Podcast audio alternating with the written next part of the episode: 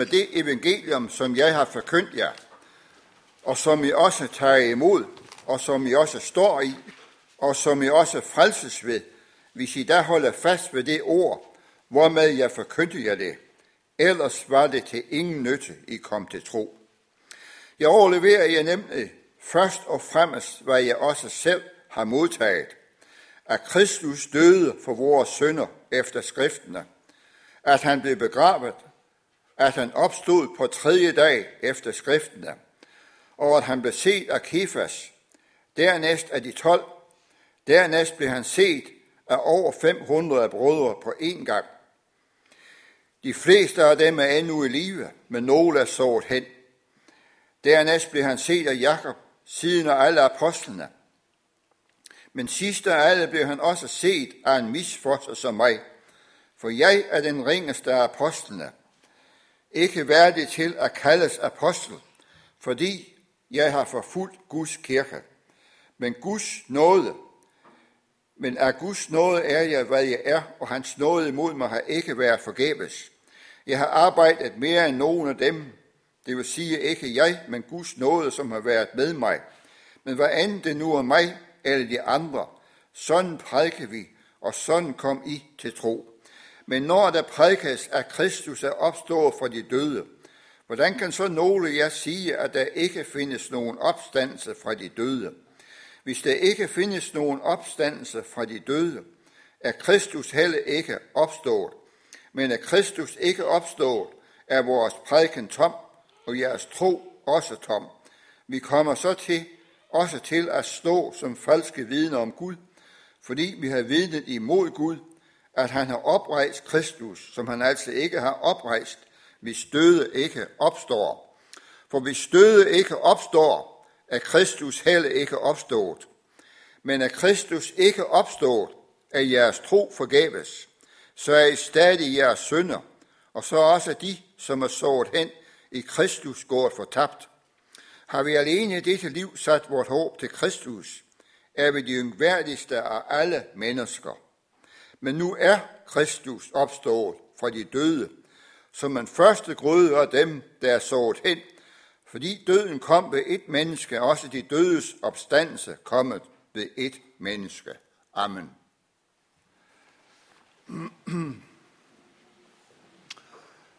Højdepunktet i påsken, det er jo Kristi opstandelse. Her bliver vi mindet om, at frelsesværket er fuldbragt, at sejren er vundet. Og derfor så kan vi synge det med grund, Grundtvig. Kristus stod op af døde i påske morgenrøde. Til syngelyt og glad, hans menighed i allen stad. Ære være Gud i det høje. Påskens budskab er budskabet om, at livet sejrer over døden. Det er budskabet om, at som han opstod, skal vi opstå.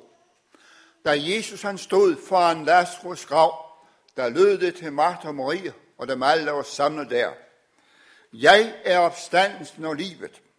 Den, der tror på mig, skal leve, om man end dør. Derfor så er budskabet om Jesu opstandelse også håbets budskab. Og det er også det, der lyder derude ved kirkegården, på kirkegården, når kisten er sænket i jorden. Lov være Gud og være Herres Jesu Kristi Far, som i sin store barmhjertighed har genfødt os til et levende håb ved Jesu Kristi opstandelse fra de døde. Det er dette budskab, der lyser håb ind over kristne grave. Så når vi tager afsked med kristne brødre og søstre, så er det ikke et farvel, men et gensyn, at vi skal mødes derhjemme på den himmelske strand. Derfor kan vi også med frimodighed synge det. Jesus lever, graven brast, han stod op med guddoms vælde. Efter Jesu korsfæstelse var hans disciple fyldt af sorg og tvivl. Hele deres verden var brudt sammen. Alt var gået i stykker for ham. Ham, som de har sat alt deres håb og tillid og fortrøsten til, som de har fået lov at følge nu i tre år. får lov at opleve de mange forundelige samvær sammen med Jesus. Høre ham udlægge skriften, som ingen anden kunne. Gør de mange under. Men nu er Jesus død. Hele deres håb var bristet. Vi møder det også så tydeligt to Emos vandre, da de fortæller om det, der var sket i Jerusalem. Der siger de, vi havde håbet, han var den, der skulle forløse Israel. Men nu var deres håb bristet. Og derfor så står der om disciplene, at de holdt sig inde bag lukkede døre af frygt for jøderne. Og da det virkelig går op for dem, at Jesus er opstanden, ændres deres situation totalt. Deres tvivl og deres frygt forsvandt, og de blev fyldt af en stor glæde og frimodighed. Og denne glæde ændres ikke, heller ikke efter, at de måtte tage afsked med Jesus, da han for til himmels. Der står om, at de vendte tilbage til Jerusalem med stor glæde. Og det var også sådan, at efter opstandelsen, så blev helligdagen fejret på den første dag i ugen. Men det stærkeste bevis på opstandelsens faktum, det er disciplenes nye tro og store frimodighed.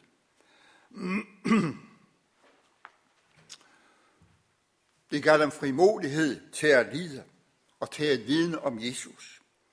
Og de blev fyldt af en jublende glæde og sejrs vidshed. Her i teksten, der taler Paulus om de dødes opstandelse. Og han siger det så stærkt her i vers 20, men nu er Kristus opstået fra de døde som første grøden af de hensåede. Det fortæller os om, hvor vigtigt det var, også for Paulus, at få det understreget, at Kristus virkelig var opstanden. Fordi at den, som fornægter opstandelsen, fornægter også samtidig troen på Jesus. Og det ser vi også, at for Jesus var det så helt afgørende, at disciplene virkelig, det gik op for dem, at Jesus var lægemligt opstået fra graven. Derfor er det også, at han møder sine venner igen og igen med sine ord, fred være med jer. Der var sket det, at der i Korinther-menigheden, var, at de var kommet på vildspor i det, der var nogen, der fornægtede talen om dødes opstandelse.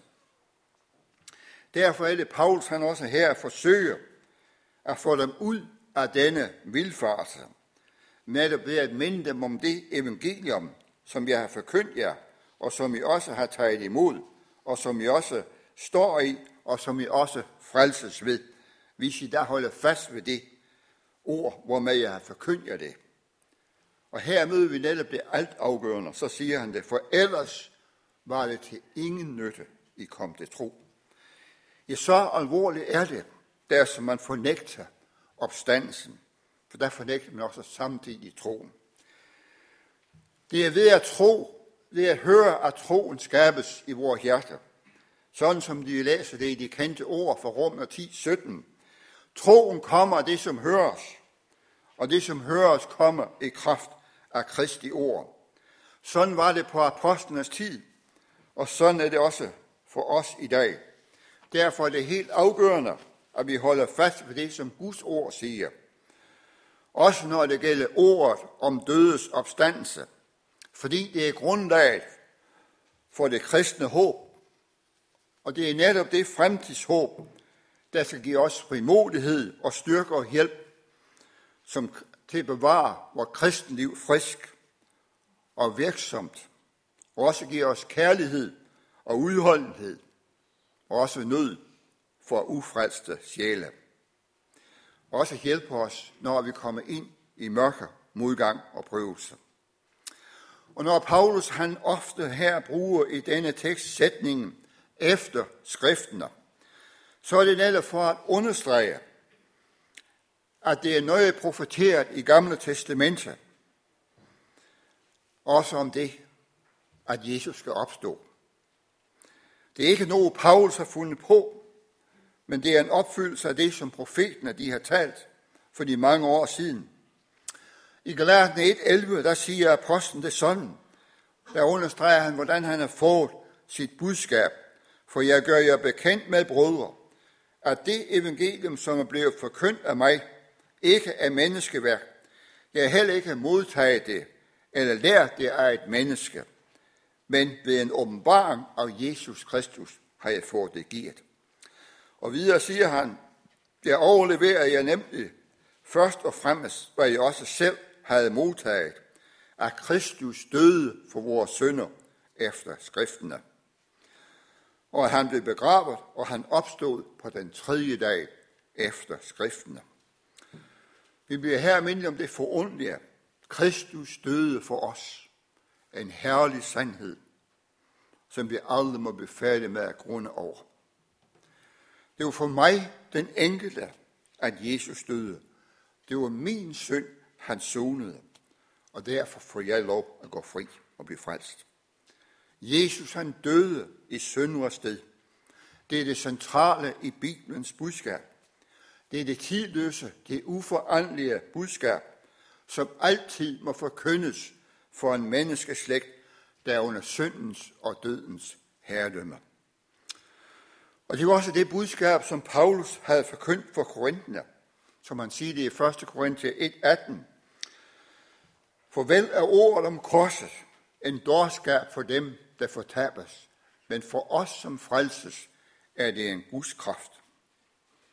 Og her møder vi netop det, som skiller mennesker. Ved korset, der skilles mennesker. For nogle er korset det mest dyrebare, jeg ejer. For der bliver jeg mindet om, hvor meget det kostede Jesus at blive min frelser. Men for andre, så havde de korset. Derfor skilles folket ved korset. Og vi læste også et andet sted, i 2. Korinther 5, 15. Han døde for alle, for at de, der lever, ikke længere skal leve for sig selv, men for ham, der døde og opstod for dem. Jesus døde for alle. Og i ordet alle er også du, som er kommet til møde denne aften, regnet med. Det gælder også for dig, og gælder for dig. Jesus har købt os fri ved at dø i vores sted. Måtte vi aldrig befærde med at grunde over det, og takke for det. Jesus blev gjort til synd. Han den hellige, rene, syndfri, som ikke har gjort et forkert tanke eller handling. Han blev gjort til synd for os. Gud lod Jesus lide den straf, som vi havde fortjent. Som vor repræsentant har han taget al vores synd og skyld og straf på, dig, på sig. Og derfor kan du og jeg gå fri. Og Hebræerbrevets forfatter, han siger det sådan i kapitel 10, 19. Brødre, ved Jesu blod har vi altså frimodighed til at gå ind i helligdommen af den nye, levende vej, som han har åbnet for os igennem forhænget. Og så siger han det videre, lad os derfor træde frem med et oprigtigt hjerte i en fast tro. Jesus han har ved sit offer åbnet en ny levende vej, som går helt ind til Gud, ind i det allerhelligste. Det var det, der skete på korset, da Jesus råbte det, det er fuldbragt. Der splittedes forhængen i templet fra øverst til nederst. Et vidnesbyrd om, og nu er vejen banet ind til Gud for syndere. Og vejen, den er Jesus Kristus. Han siger jo om sig selv, jeg er vejen, sandheden og livet. Ingen kommer til faderen uden ved mig. Derfor er det afgørende for dig, at du er kommet ind på denne vej. Den levende vej, som hedder Jesus Kristus. Og lad os derfor også gøre brug af denne adgang, det her skænkes os. Til daglig at søge frem og søge ind for nådens trone. Og vi får lov at udøse vort hjerte for ham. Ham, som kender os bedre, end vi kender os selv. Og vi får lov også at sige det til Jesus, som vi ikke kan tale med andre om. Han er også den, der vil give os styrke og hjælp og kraft til livets vandring. Et møde med Jesus kan forvandle alt. Her kan vi tænke på Zacchaeus. Han havde en længsel efter at møde Jesus. Og så er det, at han beslutter at kravle op i et træ, da han finder ud af, hvilken vej Jesus går. Og så sker det det forundelige, at Jesus han stanser netop der udenfor, hvor Zacchaeus er, og kalder på ham. Zacchaeus, i dag bør jeg gå ind i dit hus. Det blev en frelsens dag for Zacchaeus. En lykkelig dag. Zacchaeus havde levet et ulykkeligt liv. Men han fik nu lov at opleve, at Jesus han er den opsøgende frelser. Det også går omkring for at opsøge og frelse det fortabte. Og derfor blev det frelsens dag for Zacchaeus. Det er det bedste, et menneske kan gøre. Det er at åbne sit hjerte for Jesus.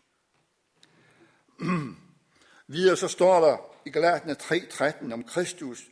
Han har løskøbt os fra lovens forbandelse ved selv at blive en forbandelse for vores skyld. Det fortæller os noget om, hvor dybt Jesus har måtte fornedre sig. Ja, han har måttet blive en forbandelse for os. Det kan vi ikke rumme, og det kan vi ikke fatte. Men det fortæller os, hvor meget det kostede Jesus at blive forsonet og forløse. Om det ord siger Luther, det lærer os, at Gud nærer en usigelig kærlighed til os, da den barmhjertige far så, at vi var under lovens forbandelse, uden nogen mulighed for at blive befriet derfra, der sendte han sin enborne søn til verden og lagde hele verdens synd og skyld på ham. Jesu fuldbragte frelsesværk på korset. Det galt for en fornægter som Peter. Det galt for en forfølger og voldsmand som Paulus. Det galt for en David, der både har bedrevet hår og mor. Og det galt for en røver ved Jesu sider. Han, som ikke havde en mulighed for at gøre noget af det, han havde forbrugt godt igen. Han bad om en tanke, og han fik som svar, sandelig siger jeg dig, i dag skal du være med mig i paradis.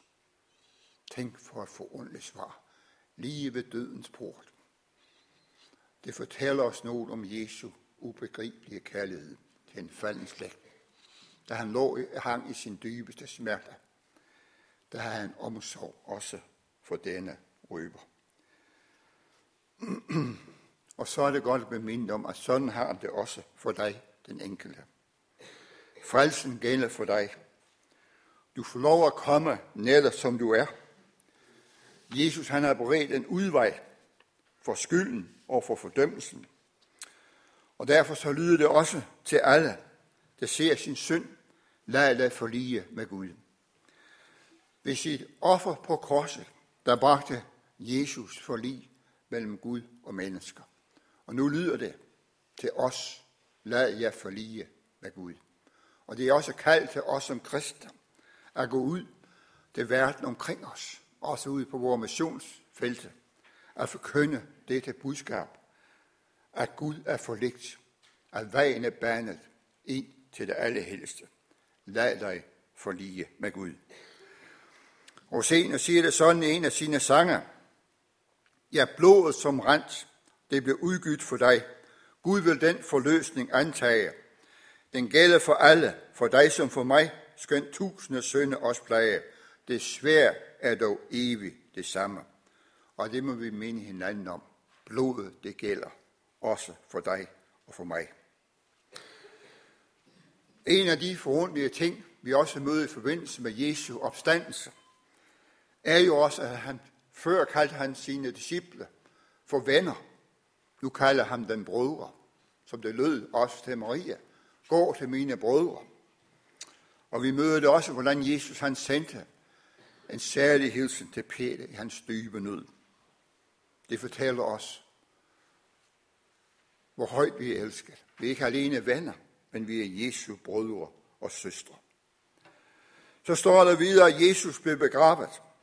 Vi bekender det også i trosbekendelsen om Jesus, at han er korsfæstet, død og begravet. Jesu begravelse har også en vigtig betydning for den kristne tro.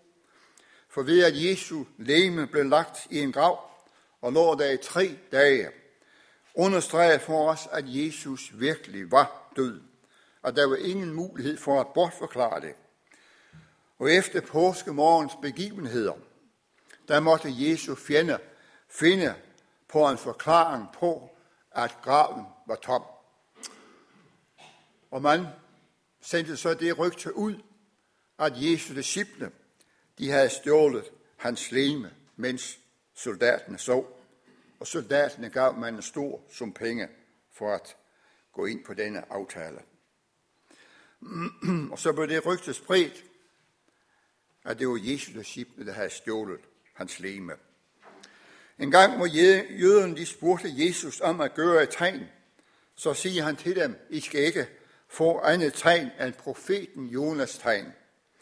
For som Jonas var i buen på havdyr i tre dage og tre nætter, sådan skal menneskesønnen også være i jordens gød i tre dage og tre nætter.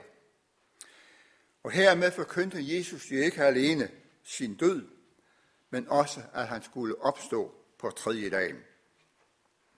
Så møder vi også i den tekst, vi har læst, mange vidner, som havde set og mødt Jesus efter opstandelsen.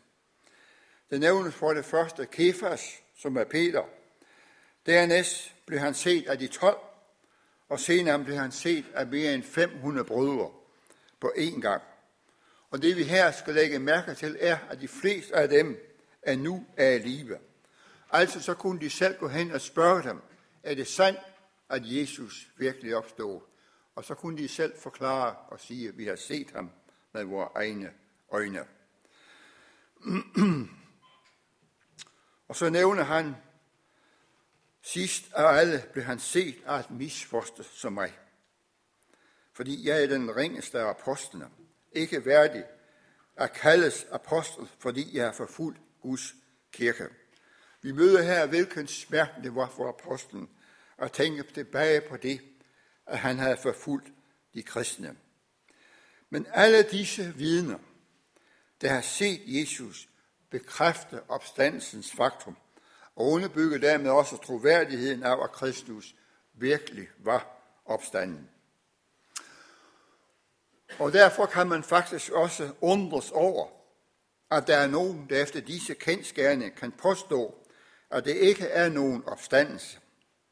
Men dybest set er det måske alligevel ikke så ondt, når vi betænker, at Korinthe-menigheden var en meget ung menighed, hvor de lagde meget stor vægt på deres store åndelige oplevelser. Der var sandsynligvis ingen af dem, der ville benægte, at Kristus var opstået, og de ville heller ikke benægte det evige liv. Men de mente, at det evige liv allerede var begyndt. Den åndsfylde, som de roste sig af at eje, var det evige liv. Allerede nu mente de, at de var med Kristus og regerede med ham. Og derfor siger Paulus det også med ironi i 1. Korinther 4:8. I er allerede mætte. I er allerede rige. I er konger. Nogen opstandelse havde de altså ikke brug for, for de var allerede åndeligt forvandlet og fuldkommende. Og når de døde, mente de, at de kunne gå lige ind i Guds rige. Den svenske teolog Bo Gers siger om denne, disse ord her i en tolkning,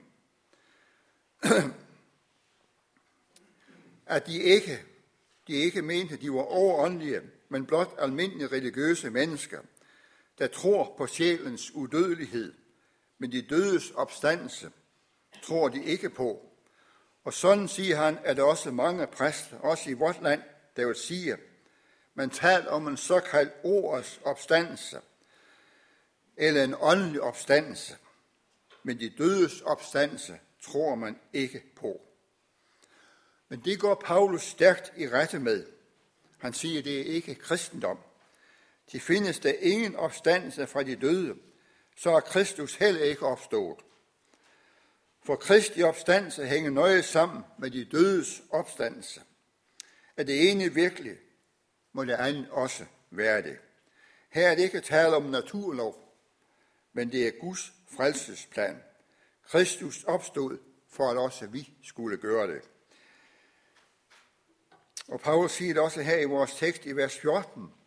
Men at Kristus ikke opstår, der er vores prædiken tom, og jeres tro er også tom. Vi kommer så også til at stå som falske vidner om Gud. Men at Kristus ikke opstår, er jeres tro også forgæves, så er I stadig i jeres sønder. Har vi alene dette liv sat vort håb til Kristus, er vi det yngværdigste af alle mennesker. Men så er det Paulus med tyngde at sige det. Men nu er Kristus opstået som en første gryde af dem, der er sået hen. Han havde selv set ham. Kristi opstandelse, det er garantien for, at alle dem, der er døde i troen på Jesus, engang skal stå op af deres grave. Som vi også læste i 1. Thessalonike 4:14, for så sandt vi tror, at Jesus døde og opstod, vil Gud også ved Jesus føre de hensovede sammen med ham. Og i Johannes 5:28 står der, for den time kommer, hvor alle de, som er i gravene, skal høre hans røst og gå ud af dem. De, som har øvet det gode for at opstå til liv, men de, som har gjort det onde for at opstå til dom. Sådan vil det gå en gang. Når Jesus han kommer for sidste gang til vores jord, der skal alle frem for hans domstol. Som kristne, der har vi løftet om, at vi skal gå fri af den endelige dom. Men alle skal vi frem for domstolen. Når det gælder kristne, så gælder det, at vi skal dømmes ud fra de gerninger, vi har handlet. Men alligevel bliver vi frelst af tro. Men det gælder også dem, som har fået deres aske spredt ud over havet. Alle skal frem på domstolen. Og lad os huske det også, når vi står over for livets gåder, og når døden gør sin høst iblandt os. Jesus har sejret over døden og har brudt dens magt. Kristus han er den eneste bro over dødens mørke hav. Det må også være vores trøst, og det må også give frimodighed, at Jesus har brudt dødens magt og vælge. Som det står også her i sidste del af her kapitel 15. Døden. Døden er opslugt og besejret. Død, hvor er din sejr? Død, hvor er din brød? Jesus, han har taget dødens brød på sig. Og når der står her, at Kristus er opstået som en første grød af de hensovede, så har det også sit forbillede i Herrens befaling til Israel, at de, hvor de skulle frembære første grøde ned af deres høst til helligdommen, og præsten så skal udføre svingningen med det for Herrens ansigt. Dette ned blev dermed en pant på den kommende høst, og det er på den baggrund, at Kristus her kaldes for første gryden af de hensovede. Han den første, der opstod for aldrig mere at dø. Og i hans opstandelse, der ligger også pantet på de retfærdiges opstandelse. Som det står også, fordi døden er kommet ved et menneske, er også de dødes opstandelse kommet ved et menneske. For lige som alle dør med Adam, skal også alle gøres levende med Kristus.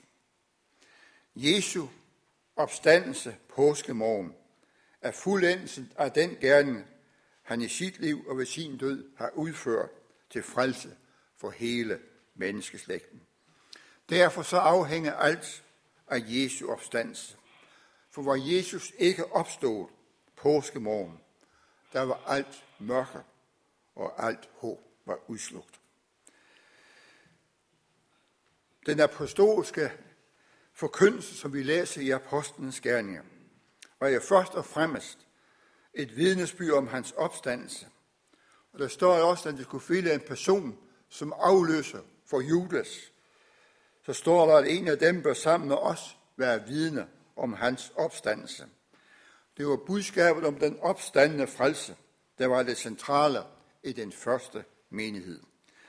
Og jeg tror, vi har noget at lære her af denne første menighed. Det er sandt, at vi aldrig må falde med at grunde og takke for ordet om korset. Det er den grundvold, vi må bygge vores tro på. Men alligevel tror jeg, at der som budskab om den levende frelse mere kom til at præge os og gribe os, gribe vores hjerte, at det blev en levende virkelighed. Der ville det også, vi kommer til at opleve mere af kraften og hans opstandelse. At det vil give os en større frimodighed og vidnetrang, også over for dem, som vi færdes iblandt. Det er jo fantastisk at læse Apostlenes gerninger. Hvilken nikkerhed de lader for dagen. Hvor langt de kom omkring i en første menighed. Og jeg kan knuse, når jeg tænker på, at det under tiden fornemmes som om det med ydre mission måske står svagt i dag. Det er jo ikke sådan, at vi skal frem drage det ene frem for det andet. Vi er alle kaldet til at være vidne der, hvor vi er sat, som det også lød til disciplene og de første kristne. I skal begynde i Jerusalem. I skal begynde i vores hjem, der hvor vi er sat. Men Jesus han sagde jo også, gå ud i alverden. Og det har været en uendelig velsignelse, også for vores forening, at vi har haft dette syn for ydre mission. Og derfor knuger det mig, når jeg ser det til synlande går tilbage.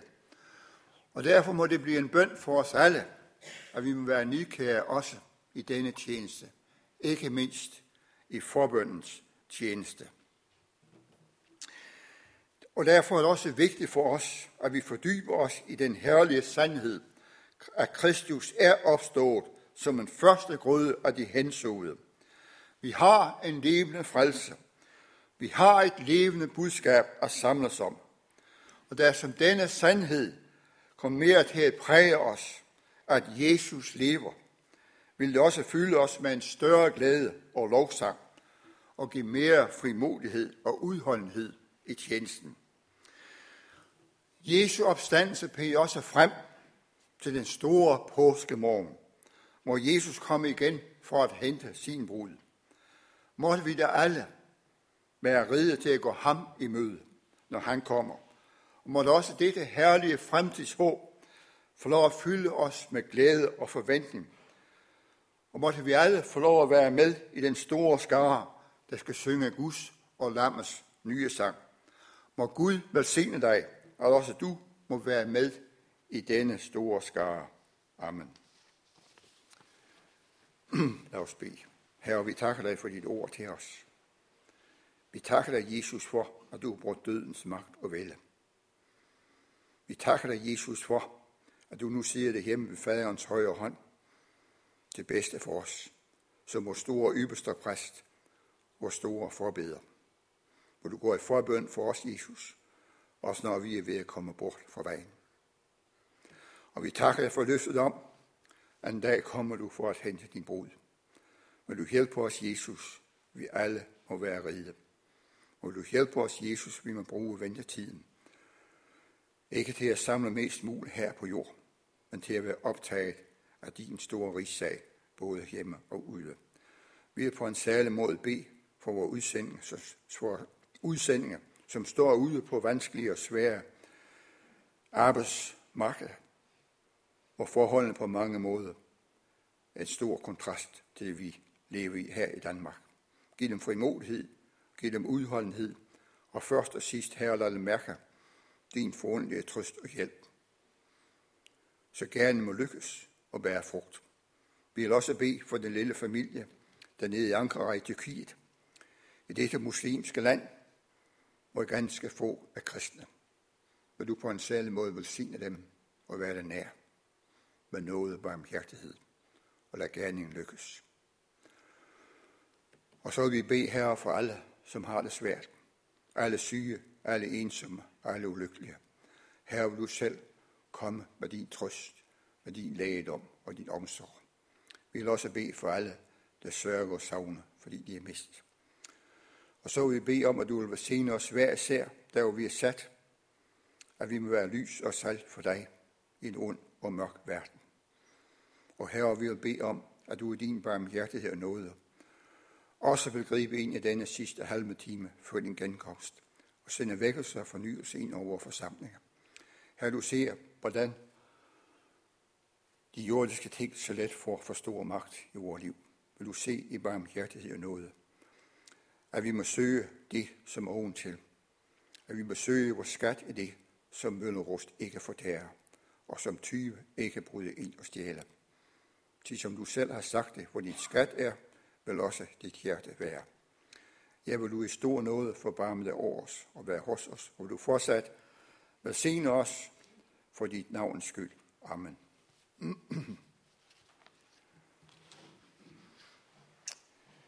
Så skulle vi synge 218.